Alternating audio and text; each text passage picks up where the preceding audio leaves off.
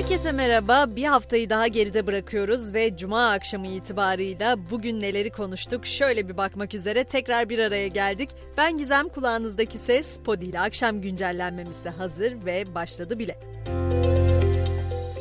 Anne, eş, evlat, abla, kardeş ve daha niceleriyle tanımlanan kadınlar için şiddete dur deme günü bugün.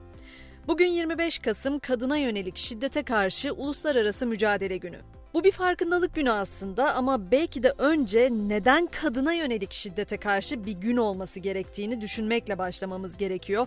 Çünkü asıl unutulmaması gereken kadınların toplumdaki yerinin, saygınlığının, medeniyetin göstergesi olduğu gerçeği.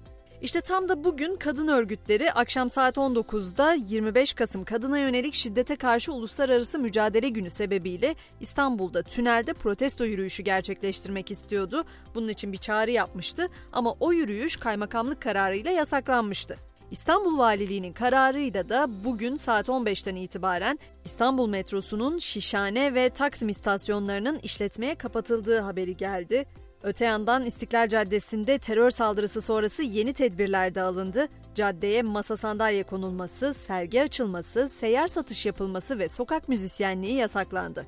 Bugün aynı zamanda Amerika'da ise Black Friday olarak bilinen Kara Cuma indirimlerinin günü. Farklı isimlerle olsa da bugün ülkemizde de başta hazır giyim ürünleri olmak üzere teknoloji ve kozmetik sektöründe çeşitli indirimler gerçekleşti. Tabi sabah AVM'ler açılmadan kuyruk oluşturanlar ya da alışveriş sırasında çıkan kavgaların görüntüleri sosyal medyada çokça gündem oldu. Şimdi biraz deprem bölgesine Düzce'ye gidelim. 5,9'luk deprem sonrası Düzce'de acil yıkılacak ve ağır hasarlı 71 bina, 134 bağımsız bölüm tespit edildi. Evleri ağır hasar görenlere 90 bin liraya kadar eşya, 30 bin lirada kira ve taşınma yardımı yapılacak. Bu arada zorunlu deprem sigortasında da teminat arttı. Bir mesken için verilebilecek azami teminat tutarı 320 bin liradan 640 bin liraya çıkarıldı.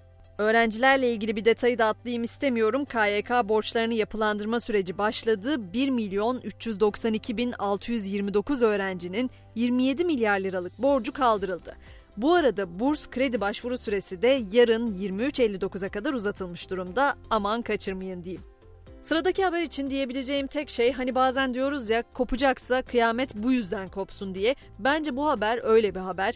Çünkü Konya Büyükşehir Belediyesi bünyesindeki hayvan barınağında bir görevlinin elindeki kürekle vurarak bir köpeği öldürdüğü anların görüntüsü infial yarattı. O olayla ilgili soruşturma başlatıldı. Gözaltına alınan iki kişi de adliyeye sevk edilmiş durumda. Barınak müdürünün açığa alındığı ve olay sırasında orada bulunan işçilerin de iş aktinin feshedildiği öğrenildi. Şimdi biraz sosyal medya diyeceğim. Sosyal medya dediğimde de aklınıza gelen ilk isimle devam edeceğim. Evet, Elon Musk'ın Twitter'da askıya alınan hesaplar için genel af önerisi anketinde %72,4 evet oyu çıktı. Askıya alınan hesaplardan yasaları çiğnememiş veya çok fazla istenmeyen mesaj paylaşmamış olanların gelecek haftadan itibaren hesapları açılacak. Twitter Blue programı da gelecek hafta tekrar başlatılacak. Şirket hesapları altın, hükümet hesapları ise gri renkli tik işaretlerine sahip olacak. Peki size desem ki günde 2 litre su içmek gerekli iddiası bilimsel olarak çürütüldü. Özellikle diyetisyenler bana pek çok şey söyleyecektir sanıyorum ama bilimsel konuşuyorum ben de sizlerle. Çünkü ABD'deki Wisconsin Madison Üniversitesi'nden uzmanlar sağlıklı kalmak için yetişkin bir insanın günde 2 litre su içmesi gerektiği inancının doğru olmadığını açıkladı. Yapılan çalışma bir kişinin su ihtiyacının yaptığı işe, iklime ve cinsiyetine göre değiştiğini gösterdi. Geride bıraktığımızı düşündüğümüz o konuya geldim. Covid-19'dan söz edeceğim size çünkü Çin'de 32.695'e ulaşan sayıyla yeni günlük vaka rekoru kırıldı. İlk kez 3 yıl önce görülen Covid-19'da günlük vaka sayısı hiçbir zaman 30 bini aşmamıştı. Vakaların artmasıyla tedbirler de sıkılaştırıldı. Başkent Pekin dahil çok sayıda kentte siteler ve iş yerleri karantina altına alındı. Kamusal alanlar da kapatıldı. En fazla vakanın görüldüğü Guangdong eyaletinde ise 80 bin kişilik karantina merkezinin inşaatına başlandı. Tabi tüm bu sıkı tedbirler bir yandan da protestolara yol açtı. Çin'in katı Covid-19 politikasından dolayı protestolar hala sürüyor. Daha korkutucu olansa Dünya Kupası'nın Covid-19'dan daha ölümcül bir pandeminin kaynağı olabilme ihtimali. Dünya Sağlık Örgütü'nden uzmanlar kupada deve gribi virüsünün yayılabileceğinden endişelendiklerini açıkladı. Dünya hala Covid-19 hastalığıyla mücadele ediyor ama araştırmacılar %35 ölüm oranına sahip olan deve gribi virüsünün taraftarlar aracılığıyla Orta Doğu'dan diğer ülkelere yayılarak yeni bir pandemi yaratabileceği konusunda uyarıyor.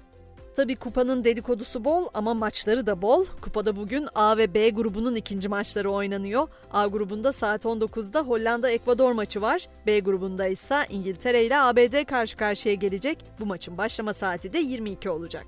Ha yok ben futbolla ilgilenmiyorum diyorsanız o zaman potadan da haber vererek noktalayayım. Basketbolda da Avrupa Ligi'nin 10. haftasında temsilcimiz bugün parkede olacak. Anadolu Efes deplasmanda İtalya'nın Bologna takımıyla karşılaşacak. Karşılaşma 22.30'da başlayacak. Böylece hem günü hem de güncellen saatimizi noktalıyorum. Pazartesi sabahı 7'de ben tekrar burada olacağım. Sizleri de bekliyorum. Görüşmek üzere. Herkese güzel bir hafta sonu geçirmesini diliyorum.